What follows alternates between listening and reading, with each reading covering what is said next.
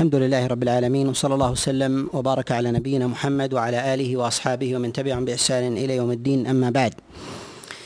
فنكمل شيئا مما تبقى مما يتعلق بعقيدة الرازيين أبي حاتم وأبي زرعة عليهما رحمة الله. يقولان وأهل الكبائر في مشيئة الله عز وجل. تقدم معنا في بداية هذا هذا الدرس في في المجالس الأولى الكلام على مسألة الإيمان وحقيقته وحقيقته وأنه قول وعمل واعتقاد. وذكرنا الفروع المتعلقة بهذا الباب وشيئا من الفرق المخالفة في ذلك. وذكرنا طريقة المرجئة وذكرنا طريقة الخوارج. ذكرنا طريقة المرجئة وطريقة آه، الخوارج في فهم الإيمان. وذكرنا الفرق بين الخوارج والمعتزلة في مسألة في مسألة الإيمان ومرتكب الكبيرة. وذكرنا أن الخوارج والمعتزلة يسلبون منه اسم الإيمان. وأما بالنسبة للخوارج فيكفرونه وأما المعتزلة فيجعلونه في منزلة بين بين المنزلتين. وأما في الآخرة فيتفقان المعتزلة والخوارج في أن مرتكب الكبيرة آه، في النار يأخذ يأخذ حكم غيره من الكافرين بأنه مخلد بأنه مخلد فيها.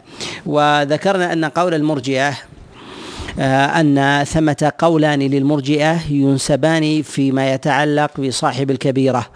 أول القولين أن أن مرتكب الكبيرة مؤمن كامل الإيمان وأنه لا يضر مع المعصية ذنب. وهذا القول ينسب للمرجئة ولكنه لا ينسب لإمام بعينه ولكنه لا ينسب لإمام لإمام بعينه. ولهذا يقول بعض العلماء في مسائل العقل في مسائل آه، الإيمان يقول ولا نقول إنه لا يضر مع الإيمان ذنب. وأما الثاني وهو الذي ينسب لأئمتهم أنهم يقولون أن الله عز وجل قد لا يدخل أحدا من عباده المؤمنين الموحدين النار. يعني أنه يحتمل أن يرد أن يرد ذلك. وهذا مخالف للنصوص الصريحة عن النبي عليه الصلاة والسلام في عقاب بعض أهل الكبائر. وهذا وهذا هو الفرق الصريح بين أهل السنة وبين المرجئة في مرتكب الكبيرة. وقول الرازيين هنا وأهل الكبائر في مشيئة الله. اولا نتكلم على قضية مهمة جدا قبل الكلام على هذا ما يتعلق بمسألة الكبائر. نقول الذنوب تقسم إلى كبائر وصغائر. وقد سمى الله عز وجل الذنوب كبائر في كتابه وسمى الذنوب صغائر وجاءت باسم اللمم. وجاء ذلك أيضا عن رسول الله صلى الله عليه وسلم بألفاظ بالموبقات والكبائر وغير ذلك. ثم أيضا ينبغي أن يعلم أن الله سبحانه وتعالى ما حصر الكبائر ولا كذلك النبي النبي صلى الله عليه وسلم. وإنما جاء ذكر الموبقات وهي أعظم المهلكات وهي أعظم وهي أعظم المهلكات وأكبر أكبر الكبائر. كما جاء النبي عليه الصلاة والسلام في الصحيحين اجتنبوا السبع الموبقات. وأما بقية الكبائر فإن النبي صلى الله عليه وسلم يذكر مثالا منها. ولهذا كثيرا ما يعبر قال من الكبائر أو قال من أكبر الكبائر. أو تدرون ما أكبر الكبائر وغير ذلك من الأحاديث. فهو للتمثيل على شيء منها للتمثيل على شيء منها لا لحصرها. وهذا الأمر يجعل الضبط والعدد للكبائر من الأمور من الأمور الشاقة. ولهذا لم يحصها عدا أحد من أصحاب رسول الله صلى الله عليه وسلم. وإنما يذكرونها وإنما يذكرونها على التقريب كما جاء كما جاء عن عبد الله بن عباس آه، لما قال هي إلى السبعين إلى السبعين أقرب. فلم تضبط بحد معين. ولكن نجد أن العلماء عليهم رحمة الله يذكرون تعريفا للكبيرة آه، وحدا وضبطا لها. ومن أدق التعريف في ذلك أن يقال أنها ما توعد الله عز وجل فاعلها بالنار أو بعذاب معين أو باللعن في الدنيا أو شرع الله عز وجل على مرتكبها حدا أو توعده بعدم النظر إليه وعدم تزكيته يوم القيامة. فما كان كذلك من الذنوب فإنه فإنه يعد كبيرة. وأما في طريقة السلف عليهم رحمة الله في تقسيم الذنوب. نجد أنهم لا يحرصون على تمييز الصغائر عن الكبائر. والسبب في ذلك والسبب في ذلك حتى لا تجرى النفوس على المحرمات حتى لا تجرى النفوس على المحرمات. فكانوا يذكرون الذنوب على سبيل الإجمال ويذكرون الكبائر ولكنهم لا يشيرون إلى ذنب من ذنوب الصغائر فيذكرون ويقولون هذه صغيرة. هذه صغيرة. لماذا؟ لأن ذلك ينافي تعظيم الله عز وجل ينافي تعظيم الله سبحانه وتعالى. ولهذا ينبغي للمؤمن إذا نظر إلى هذه التقسيم فلينظر إلى عظمة من يعصيه. إلى عظمة من يعصيه. لأن الصغيرة إذا صاحبها استهانة آه، بمن يعصيه فإنها تتحول إلى كبيرة. بل إن الكبيرة إذا صاحبها خوف ووجل من الله سبحانه وتعالى ربما تضعف آه، حتى تكون في الميزان كحجم الصغيرة كحجم الصغيرة. وقد تقدم معنا في حديث أبي هريرة في قول النبي عليه الصلاة والسلام في الرجل الذي لم يعمل خيرا قط لما قال لأبنائي أنا مت فأحرقوني ثم اطحنوني ثم ذروني في الريح. الحديث في هذا في هذا إشارة إلى أنه فعل ذلك وهو خائف. فعل ذلك وهو خائف وهو وجل. كذلك أيضا في حديث أبي هريرة في قصة في قصة المرأة البغي البغي لما سقت الكلب. هي كانت وجلة. وعلامة الوجل أنها أرادت التكفير بهذا العمل يعني أن الذنب أن الذنب مستحضر فهي تبحث عن سبيل من من سبل التكفير. ولهذا جاء في الحديث قال فاستغفرت فغفر الله لها. فاستغفرت فغفر الله لها ولهذا نقول إن الكبيرة إذا صاحبها وجل وخوف آه، منها آه، ومن عاقبتها وتعظيم لله عز وجل فإنها تتضاءل وتضعف حتى تقواها حتى وحتى يقواها أدنى الحسنات. حتى يقواها أدنى الحسنة وإذا صاحبها استهانة فإنها تكون على على منزلة على منزلة عليا. ولهذا نجد أن السلف عليهم رحمة الله لا يلتفتون إلى قضية إلى قضية آه، تعيين الصغائر. تعيين الصغائر ولكنهم يذكرون الكبائر فيقول هذا هذه كبيرة وهذا موبق. ونحو ذلك أما الصغائر فيذكرونها على أنها معصية على سبيل الإجمال على سبيل الإجمال ولهذا نجد أن كثيرا من المعاصي التي يسهب المتأخرون في ذكرها وتصنيفها أنها من الصغائر نجد أن السلف الصالح يسمونها ذنبا ويسمونها معصية ولا ولا يقسمونها كتقسيم المتأخرين وهذا هو الأليق وهذا هو الأليق إلا عند وجود لازم عيني واللازم العيني كان يكون الإنسان قد وقع في خطأ وقع في زلة فوقع في نفسه من الوجل والخوف ويخشى عليه من القنوط ونحو ذلك يبين له أن مثل هذه الذنوب هذه الذنوب يغفرها الله عز وجل وتقواها الصلاة وتقواها الصيام ويقواها الزكاة وغير ذلك مما يكفر الله عز وجل بها من الخطايا. ولهذا نقول إن الله عز وجل يذكر اللمم عند عند الغفران. لا يذكره أصلا من جهة التقسيم من جهة تقسيمه ان هذه كبيرة وهذه صغيرة مما يشعر في ذلك والاستهانة بالذنوب والجرأة عليها. وهذه طريقة الصحابة عليهم رضوان الله وكذلك أيضا أئمة التابعين. توسع الناس في ذلك فأكثروا من من حصر الذنوب وتقسيمها وجعلوها على مراتب. منهم أوغل في ذلك حتى الصغائر يقسمها على على مراتب على مراتب في ذلك. ولكن آه، أهمية دخول الكبائر في هذه المسألة هنا لأنها تتعلق بمسألة الإيمان لمسألة الإيمان. فكانت مسألة مهمة فكانت مسألة مهمة تتعلق بأمر الإيمان فيذكرها العلماء في كتب العقائد. وإلا من جهة الأصل أن الذنوب لا تبحث في مسائل في مسائل العقائد ولكن لما خالف فيها طوائف من أهل البدع وجعلوها مؤثرة على الإيمان أدخلها العلماء في مسائل الإيمان لتبيين الحق فيها لتبيين الحق الحق فيها. ومن ذلك ما ما جاء عن الخوارج والمرجع على ما تقدم على ما تقدم الكلام الكلام عليه. والخوارج قد ضلوا في هذا الباب في هذا الباب من من وجوه. أولها أول هذه الوجوه أنهم جعلوا أنهم جعلوا الكبائر تسلب العبد إيمانه. وهذا كذلك أيضا المعتزلة. وإذا سلبته إيمانه سلبته الأحكام في الدنيا. وذلك مما يتعلق بمسألة آه، بمسألة حقه آه، في حل في حل آه، ذبيحته وكذلك أيضا في نكاحه وغير ذلك مما مما جعلته الشريعة. فثمة لوازم لنفي الإيمان نفي الإيمان عنه. فكان ثمة لوازم قد انتفت لذلك. ومنها أيضا ومن ذلك أيضا أنهم أدخلوا في أبواب الكبائر ما ليس من الكبائر. أدخلوا في أبواب الكبائر ما ليس ما ليس منها فما جعلوا الكبائر تنفي الإيمان آه، مجردة بل يختلوا أيضا حتى في وصف الكبائر ولم يوافقوا أهل السنة فيها. ولم يوافقوا أهل السنة فيها.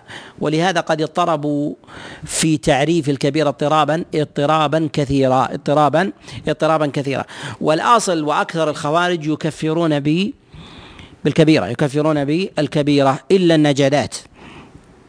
أتباع نجدة الحنفي الحروري فإنهم لا يكفرون بالكبيرة وإنما يكفرون بالإصرار سواء كان الإصرار على صغيرة أو كان على كبيرة قالوا فمن أصر على ذنب صغير أو كبير فهو فهو كافر. أما ارتكاب الذنب المجرد فلا يكفر به فلا يكفر فلا يكفر به فاعله. لماذا؟ قالوا لأن الإصرار في ذاته لأن الإصرار في ذاته يقتضي الجحود عندهم يقتضي الجحود عندهم والاستهانة. قالوا والإصرار إذن مكفر بذاته. لا ارتكاب الذنب بعينه. لا ارتكاب الذنب الذنب بعينه. وبعض العلماء يحكي الإجماع عن الخوارج أنهم يكفرون بالكبيرة وهذا وهذا غلط. ويحكي ذلك بعض المصنفين في أبواب الفرق كالكعبي وكذلك الشرستاني والرازي وغيرهم يحكون في ذلك الإجماع أن الخوارج يكفرون بالكبيرة وهذا وهذا غير صحيح. بل طوائف من الخوارج لا يكفرون بالكبيرة. كالنجدات. وهي طائفة كبيرة وبعض الإباضية أيضا لا يكفرون بالكبيرة. ويوافقون النجدات في ذلك في أن أن مرتكب الكبيرة أن مرتكب الكبيرة يكفر بإصراره كما يكفر مرتكب الصغيرة أيضا بإصراره. كما يرتكب كما يكفر مرتكب الصغيرة بإصراره. ومن الخوارج من لا يكفر حتى يقام الحد. فإذا رأى أحدا قد ارتكب كبيرة لم يقم عليه الحد قالوا لا يكفر. وربما منعهم من ذلك مثلا قيام عذره أو نحو ذلك. ومنهم من يتوقف. الصافرية يقولون بأنه لا يكفر حتى يقام عليه الحد فمن زنى لا يكون كافرا حتى يقام عليه والسارق لا يكفر حتى يقام عليه الحد. والبيهسية من الخوارج يقولون ب آه، أن أن أن مرتكب الكبيرة لا يكون مؤمنا ولا يكون كافرا حتى يقام عليه الحد. فيجعلونه في منزلة بين المنزلتين فيوافقون في ذلك المعتزلة.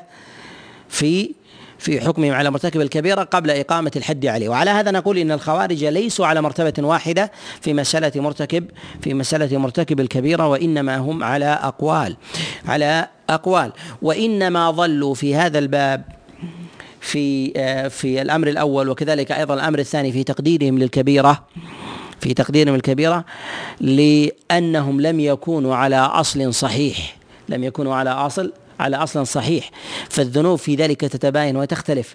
فقد ربما يثبت في نص وعيد على ذنب ولا يثبت على ذنب آخر.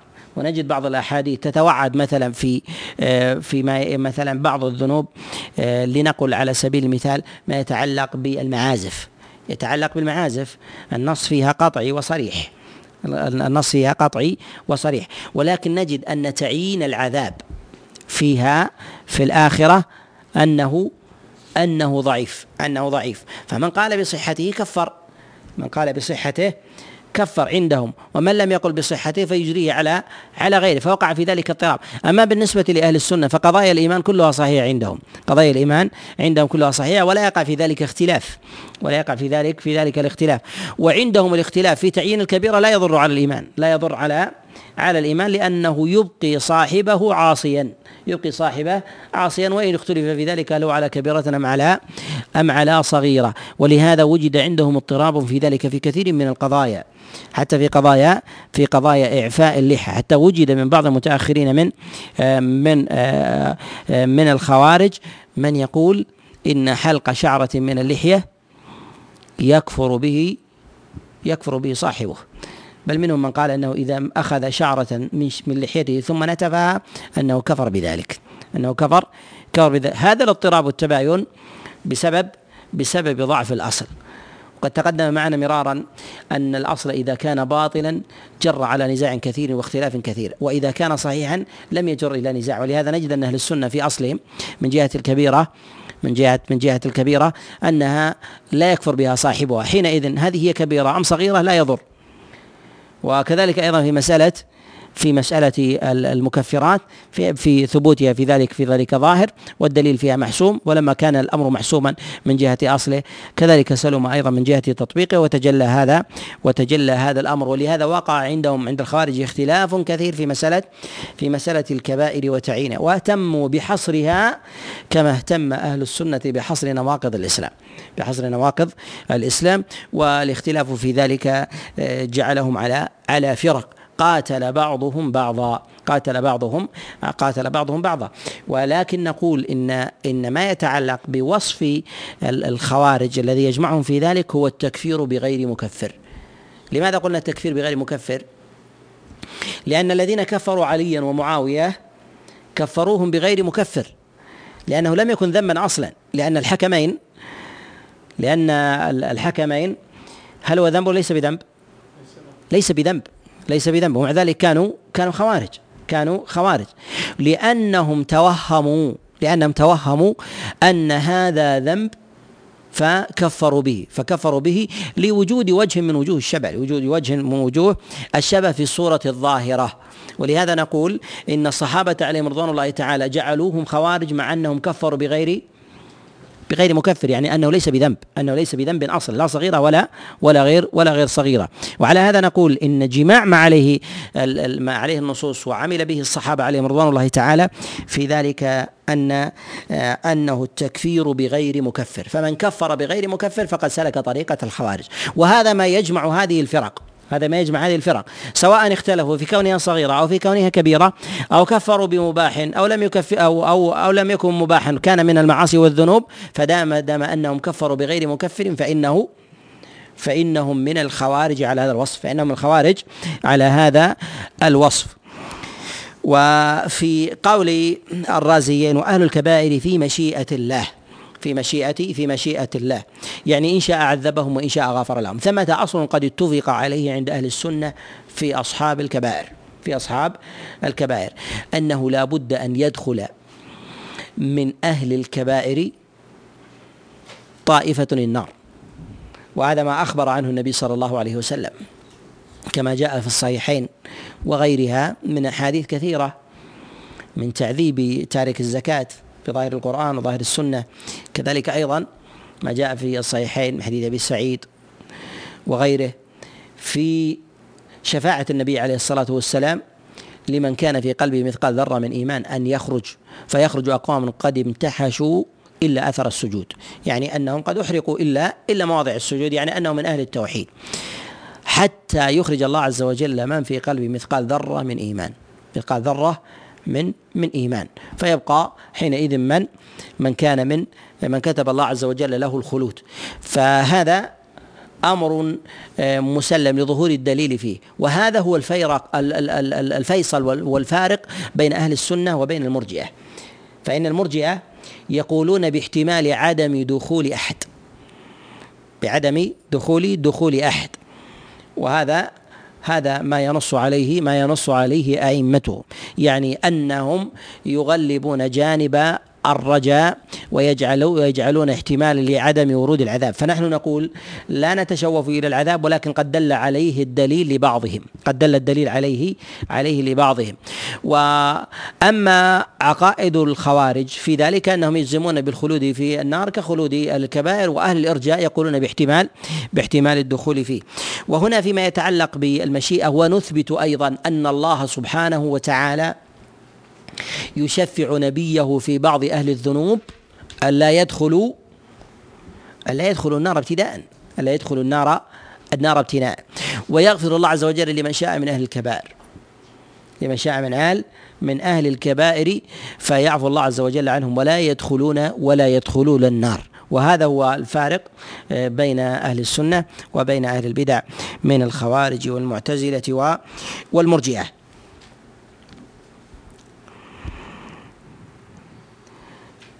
ثم قال ولا نكفر أهل القبلة بذنوبهم.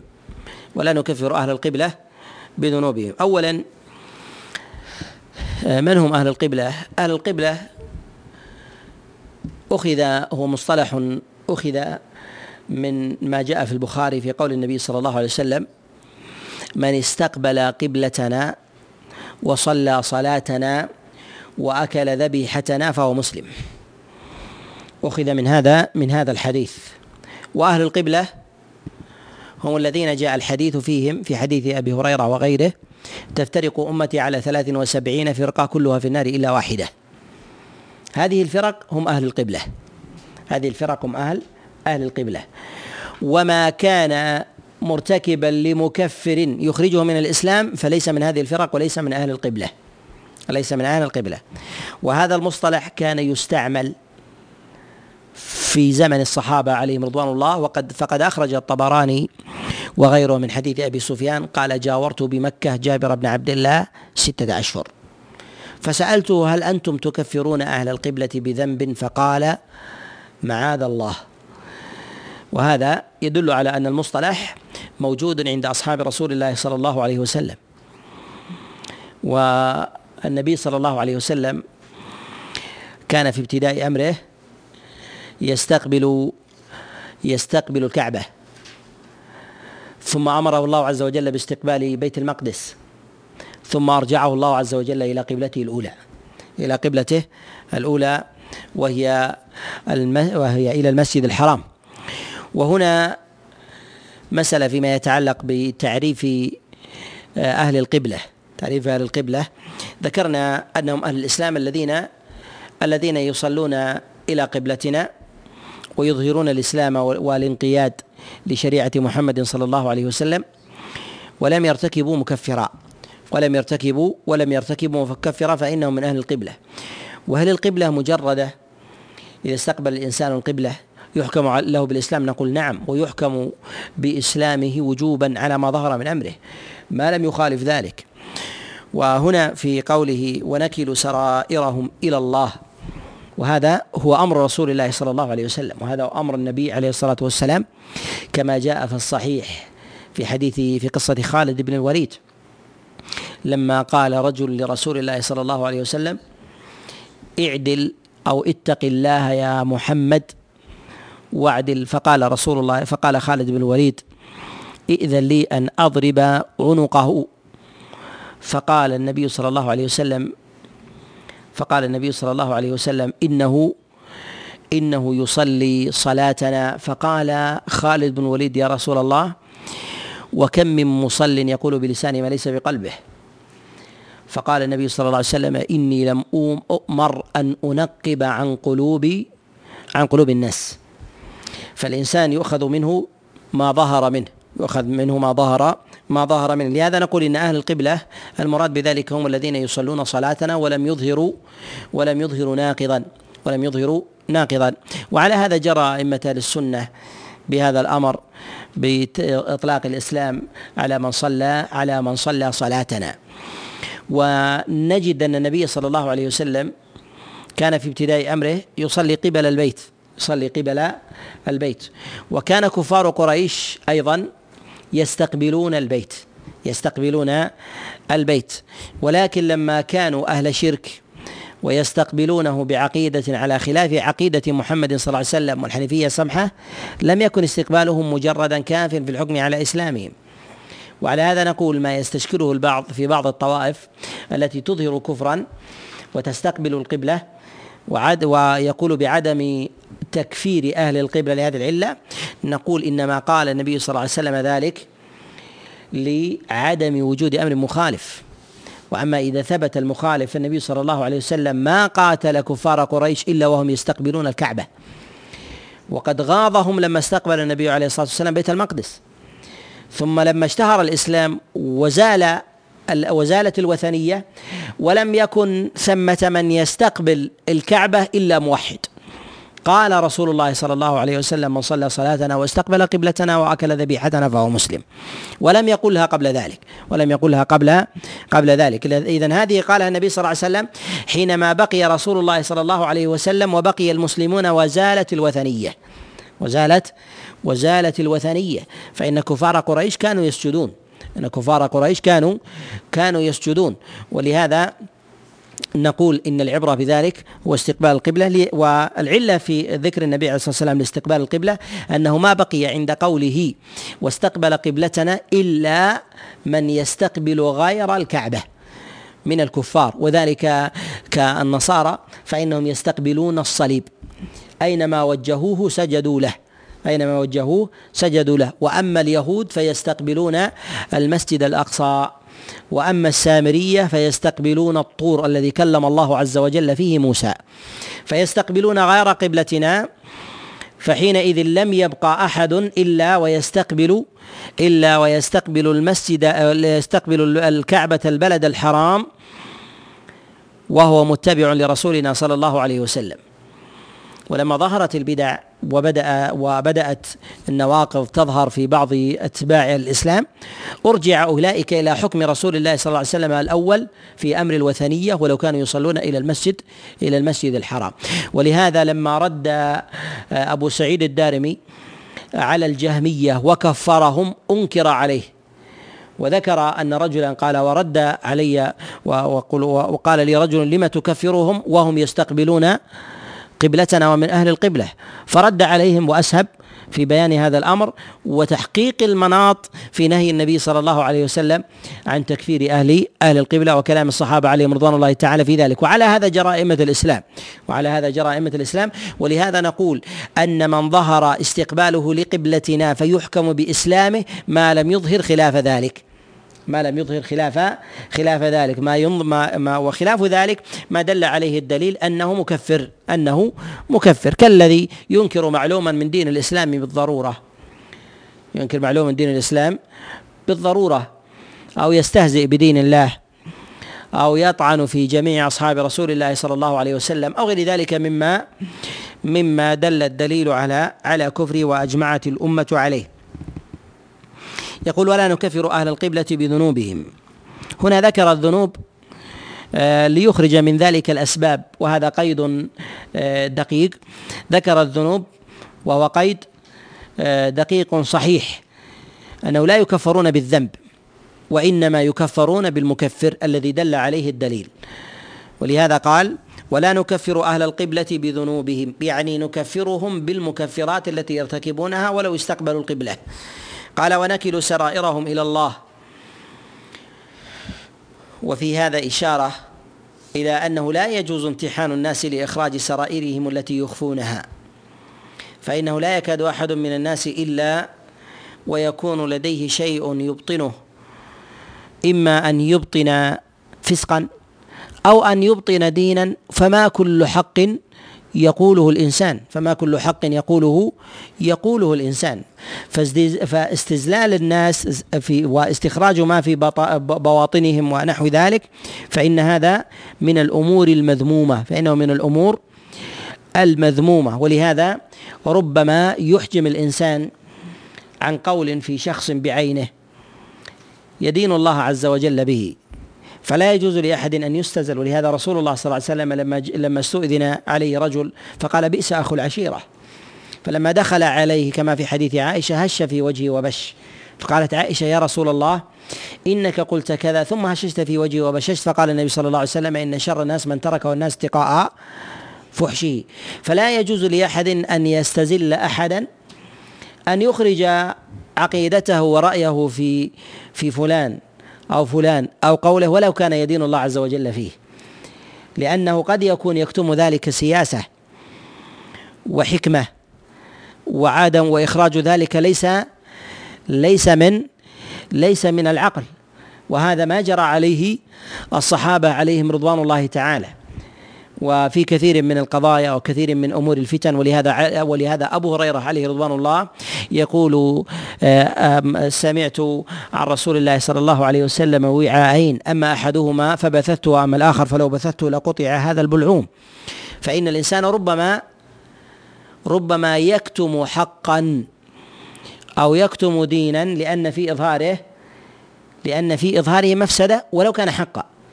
ولو كان ولو كان حقا فلا يجوز للإنسان أن يستزل بواطن الناس وأسرارهم وإنما يأخذ بظواهرهم يأخذ ب بظواهرهم ويكل سرائرهم إلى الله. ولهذا رسول الله صلى الله عليه وسلم لما كان في غزوة تبوك ورجع منها جاء المخلفون جاء المخلفون وكانوا بضعة وثلاثين رجلا. يقول كعب بن مالك فجاءوا إلى رسول الله صلى الله عليه وسلم واعتذروا. قال وبايعهم رسول الله صلى الله عليه وسلم واستغفر لهم ووكل سرائرهم إلى الله. ووكل سرائرهم إلى إلى الله. هذا وهو رسول الله صلى الله عليه وسلم. وهو قادر على سؤال ربه في معرفة ما في بواطنهم أو التحري عنه بأحوالهم باستزلالهم ونحو ذلك فدل على عدم على عدم جواز جواز ذلك. ولا امتحان الناس فيما يخفون حتى لو ظهرت قرائن في إبطانهم لشيء من الكفر أو الزندقة ما لم يظهروه.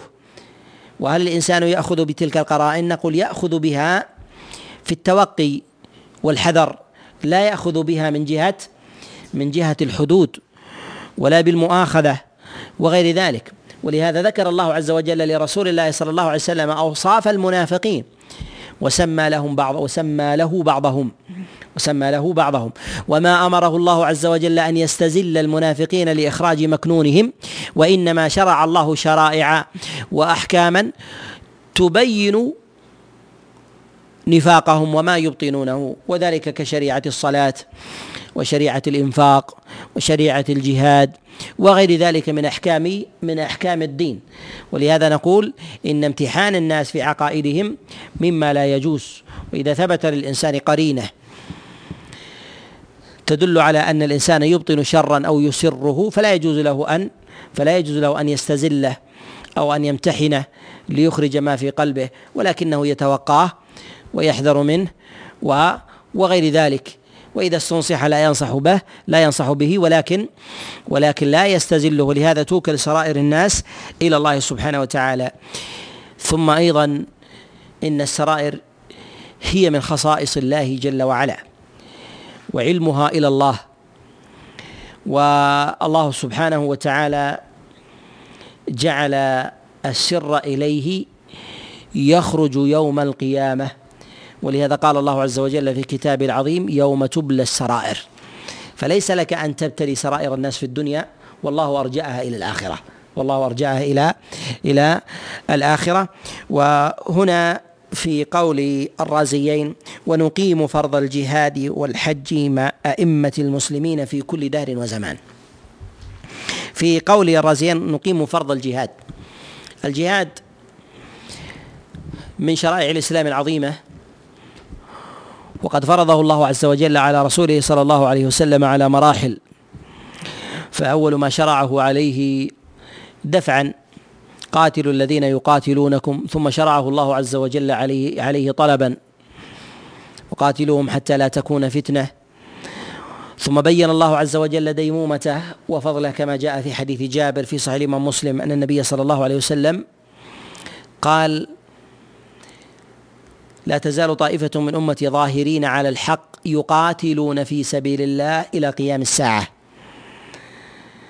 وهذا يدل على ديمومة الجهاد. والجهاد قد ذكر الله عز وجل فضله والفضل يتبين بالتشديد بأمره إذ جعله مكتوبا كتب عليكم القتال وهو كره لكم. وكذلك أيضا فإن النبي صلى الله عليه وسلم قد ذكر من فضله وخصائص القائم به ما لا يوازيه شيء من أركان الإسلام العملية إلا الصلاة. بل إننا نجد أن النصوص تدل على أنه إذا تعين الجهاد أخرت الصلاة. ولا يؤخر الجهاد إذا تعين ولو تعينت الصلاة. ولو تعينت الصلاة. فشرع الله عز وجل الجمع وشرع الله عز وجل التخفيف والتيسير فيها. فتتغير صفة الجهاد تتغير صفة الصلاة ولا تتغير صفة الجهاد عند تعيينه. فدل على فدل على عظيم منزلته وعلو شأنه ومكانته. ولهذا جاء تشريعه موازيا لأركان أو تاليا لأركان الإسلام. ولهذا يقول عبد الله بن عباس فيما روى علي بن أبي طلحة عن عبد الله بن عباس قال شرع الله عز وجل الصلاة. فلما صدقوا بها وعملوا بها شرع الله له الزكاة. فلما صدقوا بها وعملوا بها شرع الله لهم الصيام. فلما صدقوا به وعملوا به شرع الله لهم الحج. فلما صدقوا به وعملوا به شرع الله لهم الجهاد.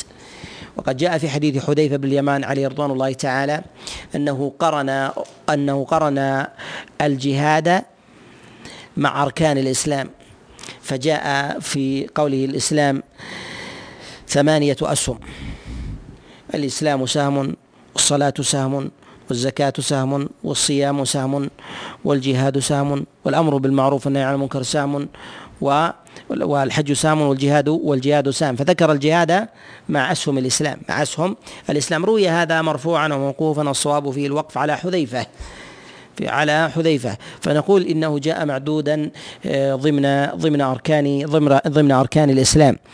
وقد ذكر النبي صلى الله عليه وسلم فضله ومن ومن وجوه دلالة الفضل أثره على الذنوب. فإنه لا يكاد يوجد عمل صالح يغفر الله عز وجل به الذنوب جميعا كحال الشهيد كحال كحال الشهيد. وهذا يدل على على عظم تلك تلك المنزلة. والعلماء يذكرون أن الجهاد أنه من فروض الكفاية أنه من فروض الكفاية. ويدل على أنه من فروض الكفاية قول الله جل وعلا فلولا نفر من كل فرقة منهم طائفة فاستثنى الله عز وجل طائفة مما ترجع من الجهاد إلى القيام بأمر المسلمين. ثم أيضا إن النبي صلى الله عليه وسلم ما أخلى المدينة من الرجال حتى لما أراد أن يغزو النبي صلى الله عليه وسلم الروم أمر أن يخرج من كل اثنين واحدا. يخرج من كل اثنين واحدا يعني يبقى من يبقى ممن يقوم بأمر الأمة ويحفظ حريمها وعرضها ويقيم دينها وشأنها فدل هذا على كونه من فروض الكفاية. وقد نص على ذلك جماعة من السلف كعطاء بن أبي رباح وكذلك أيضا الإمام الشافعي والإمام أحمد ومالك وغيرهم من أئمة الإسلام على أن الأصل فيه أنه من فروض الكفاية. وإذا تعين يتعين بمقدار ما بمقدار الحال التي يتعين فيها ويجب على الأقرب فالأقرب يجب على الأقرب فالأقرب كما جاء في حديث قابوس بن أبي المخارق لما جاء رجل إلى رسول الله صلى الله عليه وسلم فقال يا رسول الله يأتيني الرجل يريد مالي قال لا تعطيه مالك. قال فإن غلبني قال فاستعن به على السلطان قال فإن السلطان عني قال فاستعن بمن حولك من المسلمين قال فإن لم يكن حولي أحد من المسلمين قال دافع دون دون مالك. حتى تقتل أو تكون من شهداء حتى تدفع عن مالك أو أو تكون من شهداء الآخرة قد رواه النسائي وأحمد وغيرهم وإسناده جيد. فنقول إن ما يتعلق بهذا يدل على أن الجهاد على أن الجهاد الأصل فيه أنه من فروض من فروض الكفايات. وهو دائم لا ينقطع هو دائم لا لا ينقطع وديمومته من جهة قيام تشريعه. لا ديمومته بالأفراد. فإنه لا يلزم من الفرد أن يكون في ذاته أو في الجماعة في ذاتها أن تكون حاملة للسلاح على سبيل الدوام. لا. ولكن ان تكون ان أن تكون الشريعة قائمة ظاهره لا يكون هناك ما يعطلها. لا يكون هناك ما يعطل. ولكن تختلف أوقاته وجهاته وأحواله وذلك كالصلوات. الإنسان يصلي هنا ويصلي هنا ويصلي هنا وربما لا يصلي الإنسان هذا هذه الساعة ويصلي التي تليها وهكذا. ولهذا نقول إنه مكتوب ولكن ليس على دوام الأفراد أن يكون على على اليوم والليلة. وذلك أنه باختلاف أحوال المسلمين واختلاف ثغورهم يكون ثغر هنا وثغر هنا وثغر هنا. ولا يجوز أن يكون في أمر الأمة ما يلغيه. أن يكون في أمر الأمة ما يلغيه. ومعنى ذلك ما يلغيه أن يكون ثمة سلام تام كامل. فإن السلام التام الكامل يناقض ديمومة هذه الشريعة. كما دلت عليه الأدلة كما جاء في حديث جابر بن عبد الله لا تزال طائفة من أمتي ظاهرين على الحق يقاتلون في سبيل الله إلى قيام الساعة. وقد نص على ذلك جماعة من السلف الصالح كما جاء عن كما جاء عن الحسن البصري وكذلك ابن سيرين انه ما انه ما قال الجهاد قائم لا يزال يعني أنه يبقى شريعة قائما لا يزال إلى قيام إلى قيام الساعة. وعلى هذا ترجم البخاري عليه رحمة الله في كتابه الصحيح وكذلك أيضا ترجم الدارمي رحمه الله في كتابه في كتابه السنن على معنى الحديث السابق.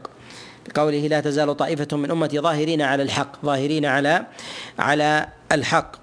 ولكن تختلف ثغوره وجهاته وكذلك أيضا آه، ربما آه، يكون يوما دون دون يوم ولكنه لا يغيب. لكنه لا لا يغيب فيبقى تشريعا قائما فيبقى تشريعا تشريعا قائما. ولهذا قال النبي صلى الله عليه وسلم كما جاء في الصحيحين من حديث أبي هريرة وغيره قال أمرت أن أقاتل الناس حتى يشهدوا أن لا إله إلا الله. حتى يشهدوا أن لا إله إلا الله وأن محمد رسول الله ويقيموا الصلاة ويؤتوا ويؤتوا الزكاة. فدل على ديمومة الإسلام ما وجد الكفر. ما وجد الكفر والناس يتباينون في ذلك من جهة آه، شدة الكفر وخطورته وكذلك أيضا قوة المسلمين وضعفهم وكذلك أيضا فإنه لا تخلو الأمة من عدوان لا تخلو الأمة من آه، من عدوان. قال ونقيم فرض الجهاد والحج مع أئمة المسلمين في كل دهر وزمان هنا قال آه، الجهاد والحج مع أئمة المسلمين في كل دار وزمان القرن بين الجهاد والحج وذلك للمشابهة في التشريع مشابهة في آه، التشريع.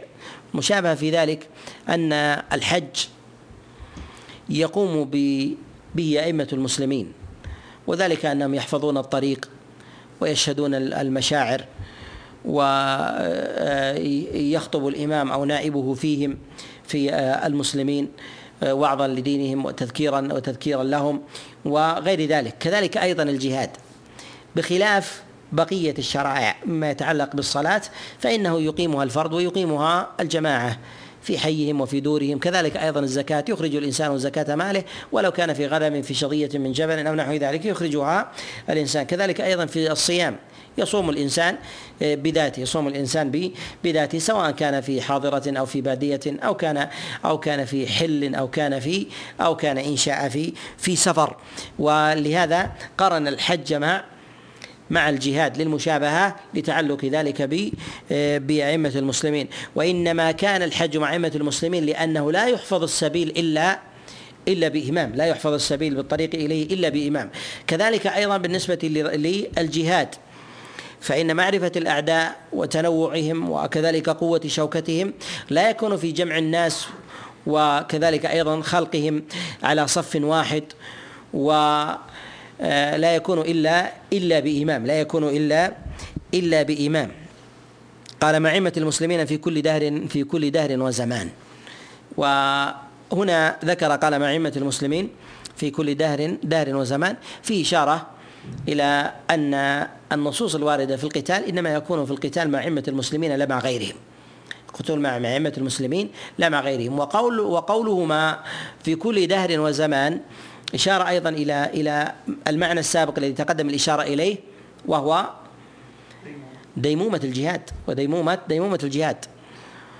وذلك أنه لو قلنا آه، بعدم الجهاد لو قلنا بعدم بعدم الجهاد مع أئمة الجور للزم من ذلك للزم من ذلك استحلال حريم المسلمين وتسلط العدو. وكان السلف الصالح من الصحابة والتابعين يجاهدون مع أئمة الجور ولو جاروا ولو ظلموا وذلك لأمور اولا لكونهم مسلمين. الأمر الثاني اختلاف محل الجور عن محل الجهاد فإن محل الجور جوره في في في المال أو جوره في على المسلمين أو نحو ذلك. وهذا هنا ينتصر عن ينتصر على الكافرين لله عز وجل. فاختلف المحل في ذلك. فاختلف المحل المحل في ذلك. ثم أيضا أنه لو ترك ولم يغزى معه لجوره فإنه يتسلط الكفر على الإسلام وتلك مفسدة عظيمة. وعلى هذا جرى الصحابة عليهم رضوان الله تعالى وأئمة الإسلام وأجمعوا على ذلك. حتى كان منهم من من يلمز ويقبح من يقول بخلاف ذلك. حتى إن إبراهيم النخعي لما كان في لما ذكر أن بعض ولاة بني أمية لديه من الجور والظلم وأن هناك من يقول بعدم القتال معهم لما عملوا قال تلك نزغة من نزغات الشيطان. يريدون أن يعطلوا الجهاد وهذا وذلك لي لأن الجهاد لو ترك معهم لتسلط أعداء الإسلام على الإسلام واستباحوا حريمهم فكانت المفسدة في ترك في المفسدة في ترك الجهاد لهم أعظم من مفسدة الخروج. فجاء الخروج معهم آه، شريعة لله سبحانه وتعالى آه، مع أئمة الجور على آه، على الكافرين. وهنا في يقول الرازيان ولا نرى الخروج على الأئمة ولا القتال في الفتنة. نقول آه، قال ونسمع ونطيع لمن ولاه الله أمرنا ولا ننزع يدا من طاعة. وبالنسبة لمسألة الخروج قال ولا نرى الخروج على الأئمة ولا القتال في الفتنة. مراده بالأئمة هو الذين تقدم الكلام عليهم في قوله قال والحج مع أئمة المسلمين في كل دار وزمان ولا نرى الخروج على الأئمة المسلمين على أئمة آه، المسلمين. وذلك لأن الله سبحانه وتعالى أمر بذلك في كتابه العظيم أطيعوا الله وأطيعوا الرسول وأولي الأمر منكم. وقد جاء تفسير ذلك عن جماعة من أصحاب رسول الله صلى الله عليه وسلم أنهم العلماء والسلاطين أنهم العلماء والسلاطين. والمراد بذلك هو الذي يأمر وينهى عن علم ويأمر يأمر ينهى عن علم فيقيم أمر الله سبحانه وتعالى.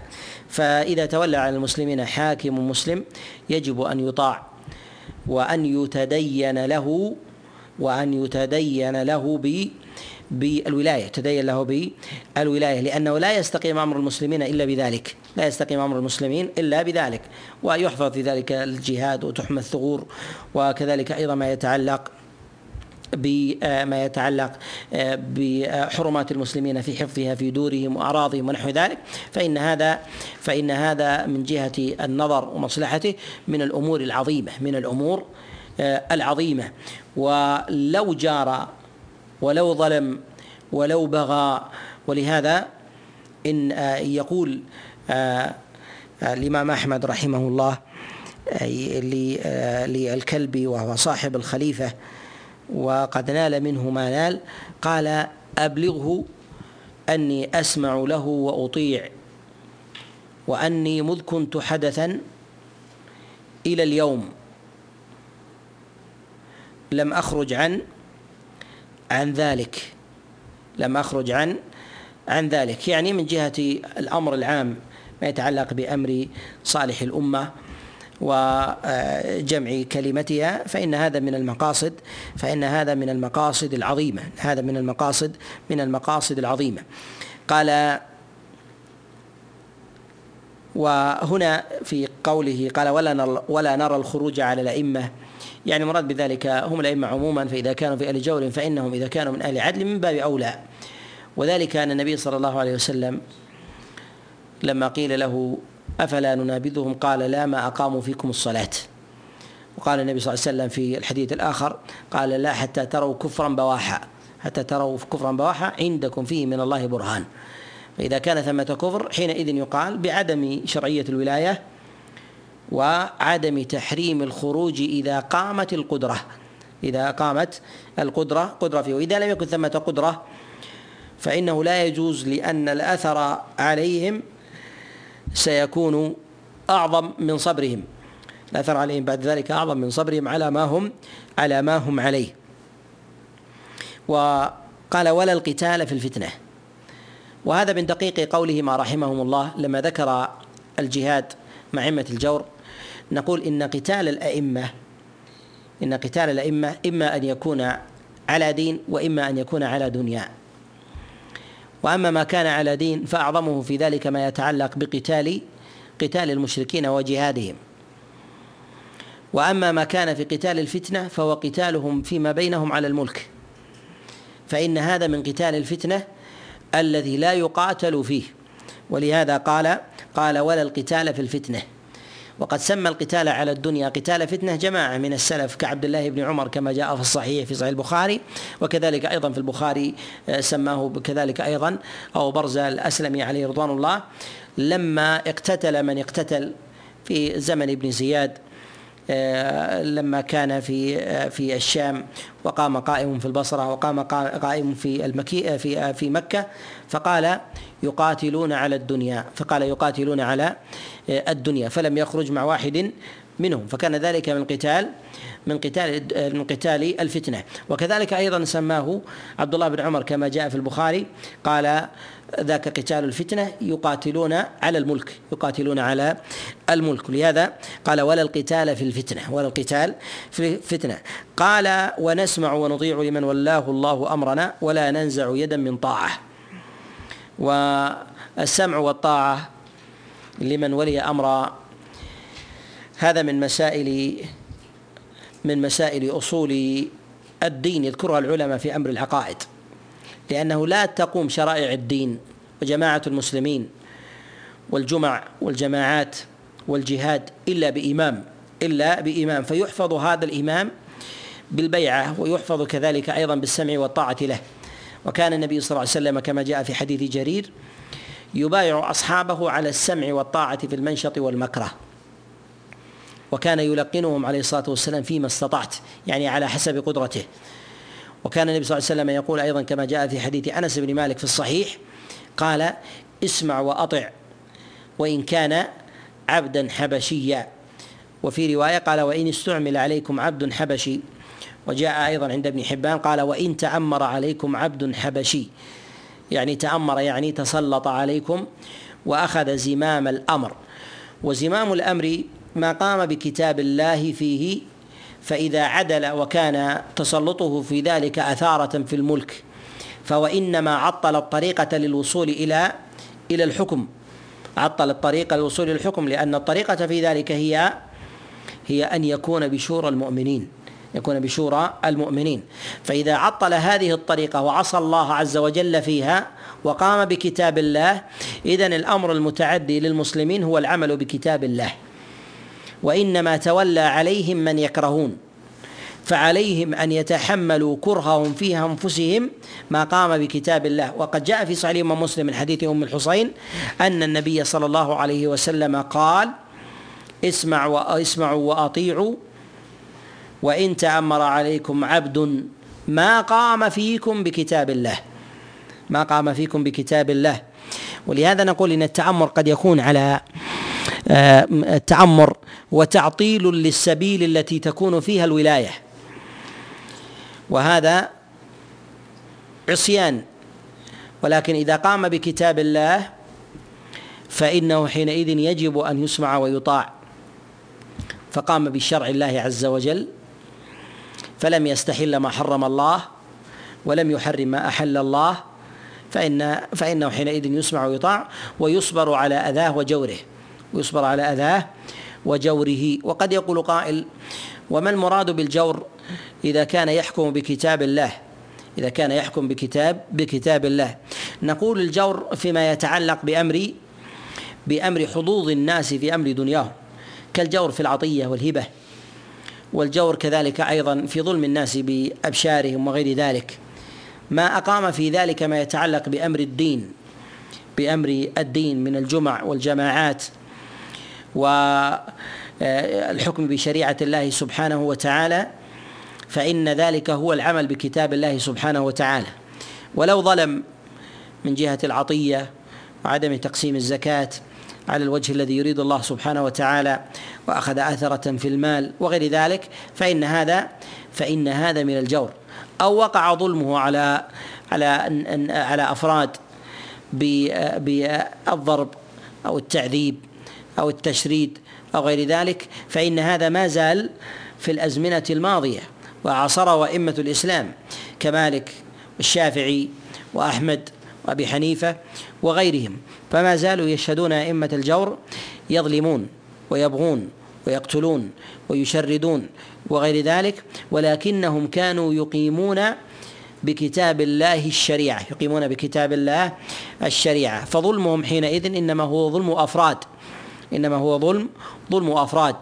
لا ظلم يتعلق بأصل التشريع. فإنه إذا كان ظلما عاما لجميع الأمة فإن هذا غالبه يرجع إلى إلى أصل إلى أصل العمل بكتاب الله عز وجل وتعطيله.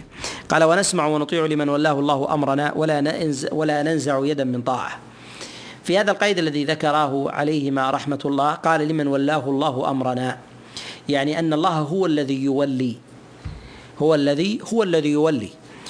ليس لأحد أن يجعل أحدا على ولاية لم يجعله الله عز وجل عليها واليا. وذلك كتولي الكافر كاليهودي والنصراني والملحد وغير ذلك على المسلمين. فهذا ما ولاه الله ولو زعم الناس أنهم وضعوه عليهم. ولو زعم الناس أنهم وضعوه وضعوه عليهم ولهذا نقول إنه قد أخطأ في هذا الباب طوائف أربعة. أخطأ في هذا الباب طوائف أربعة. الطائفة الأولى الذين ينزلون النصوص الولاة المسلمين على على الحكام والسلاطين الكافرين. فينزلون آيات وأحاديث السمع والطاعة والصبر على الجور والقتال معهم وإعطائهم الزكاة التي جاءت في الحاكم المسلم يجعلونها في الحاكم الكافر. فهؤلاء قد جعلوا ولاة لم يجعلهم الله عز وجل ولاة. ولهذا قال الرازيان لمن ولاه الله أمرنا. فإن الله هو الذي يولي على ما وصف في كلام الله وفي كلام رسول الله صلى الله عليه وسلم. والطائفة الثانية هم الذين ينزلون النصوص الواردة في السلطان والحاكم الكافر على الحاكم المسلم. فيستحلون بذلك الخروج عليه واستحلال الدماء وانتهاك الأعراض وقطع السبيل وغير ذلك. فهذه طريقة يسلكها الخوارج وغيرهم الطائفة الثالثة هم الذين يجعلون النصوص الواردة في أئمة الجور والظلم من المسلمين يجعلونها في أئمة العدل والقسط من أئمة المسلمين. والطائفة الرابعة هم الذين يجعلون النصوص الواردة في أئمة العدل والقسط ينزلونها على أئمة الجور والظلم والبغي. والطوائف هذه الأربعة وإن تباينت من جهة ضلالها إلا أنها أخطأت في فهم النصوص. وقد يقول قائل فما هي الأحكام المتعلقة بالحاكم العادل والولي العادل من ولاة المسلمين التي تختلف عن عن الأحكام المتعلقة بالوالي المسلم الظالم الجائر. نقول أحكام كثيرة منها ما يتعلق بأمر القتال. فإن القتال إذا كان لأمر لأمر مشتبه يقوم به أئمة الجور لا يقوم به أئمة العدل والقسط. وعند الاشتباه في ذلك يفرق حينئذ بالنصوص. بينما أمر الله عز وجل بالانقياد له عند اشتباه الأمور وعدم الانقياد له عند اشتباه الأمور لأنه لا يقيم لحرمة الله عز وجل وزنا ومنها كذلك ما يتعلق بالدخول على السلاطين فإنه جاء في غير ما نص من حديث وأثر بكراهة الدخول على السلاطين والمراد بذلك هم أئمة الجور لا أئمة العدل. فالخلط في ذلك هو تفريق بين هذه وبين هذه. فإذا قلت بأن هذا المقصود به هو كل حاكم أو تريد أن تجعل من ذلك أئمة العدل والقسط الذين عرفوا بالطاعة والقيام بأمر الله عز وجل وتحريم ما حرم الله وتحريم ما وتحريم ما حرم الله وتحليل ما أحل الله والقيام بشرع الله ومجاهدة أعداء الله سبحانه وتعالى فإن أولئك هم أئمة القسط القسط والعدل والإنصاف. لا يقال بأن الدخول عليهم من الدخول المكروه الذي كان يكرهه السلف. وكذلك أيضا إذا جعلنا أئمة الجور والظلم هم أئمة العدل خلطنا في ذلك الأمر. كذلك أيضا يظهر في مسائل العطايا التي كان يكرهها السلف فإنهم كانوا يكرهون عطايا السلطان. وهذا أيضا من الفوارق بين عطية الحاكم العادل المقسط وبين غيره. ولهذا كان النبي صلى الله عليه وسلم مع كونه نبيا إلا أنه حاكم كذلك الخلفاء من بعده كأبي بكر وعمر وعثمان. مع كونهم خلفاء وولاة وكذلك من شابههم على طريقتهم وإن كان دونهم في ذلك كمعاوية وعمر بن عبد العزيز. ما قال أحد من أئمة السلف أن الدخول على هؤلاء من الفتنة؟ ومما لا يجوز أو كرهوه. كذلك أيضا من جهة قبول عطاياهم ونحو ذلك فإنهم يفرقون بين هذا وهذا. كذلك أيضا من الفوارق بين الصنفين الأخيرين ما يتعلق بالتدين بمطلق الطاعة. وهذا هو الفرق بين طريقة السلف أهل السنة والاتباع وبين طريقة أهل الابتداع. وذلك أن السلف الصالح يجعلون يجعلون طاعة الحاكم العدل فيما يشتبه على الإنسان من أصوله مما لم يظهر عليه دليل فيتدينون ولو اشتبه عليهم الأمر. ولو اشتبه عليهم عليهم الأمر. وذلك لأنه ينظر إلى المقاصد والغايات. فإذا كان إماما عدلا إذا كان إماما عدلا منصفا فإنهم حتى فيما اشتبه عليهم يقومون بالانقياد والاتباع. وأما إذا كان لا يقيم للنص وزنا ويتجرأ على حرمات الله من البغي والظلم والفجور والفسق وغير ذلك فإنه ربما يأمر بأشياء مشتبهة لا يرعى لها حرمة لأنه إذا لم لم يرعى حرمة لما ظهر من النصوص فكيف يرى حرمة لما اشتبه من الغايات والمقاصد؟ ولهذا يفرق الأئمة عليهم رحمة الله تعالى في ذلك بين بين هذا بين هذا وهذا وما يتبع ذلك آه، من آه، الإنكار وغير ذلك من الأمور التي جاءت فيها الشريعة وضبطتها بضوابطها. ولهذا نقول إن هذه الطوائف هي سبب الخلل في مسألة أمر الولاية في مسألة أمر الولاية. ولو وضعت النصوص في نصابها وفي موضعها لكان لكان في ذلك قوام الأمة في أمر الولاية. وأمر الحكم وكذلك أيضا في أمر الناس في في خاصة أمرهم ما يتعلق بأمر دينهم ودنياهم.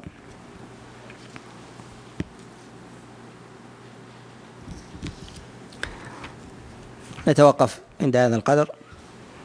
بالله التوفيق والإعانة والسداد وصلى الله وسلم وبارك على نبينا محمد.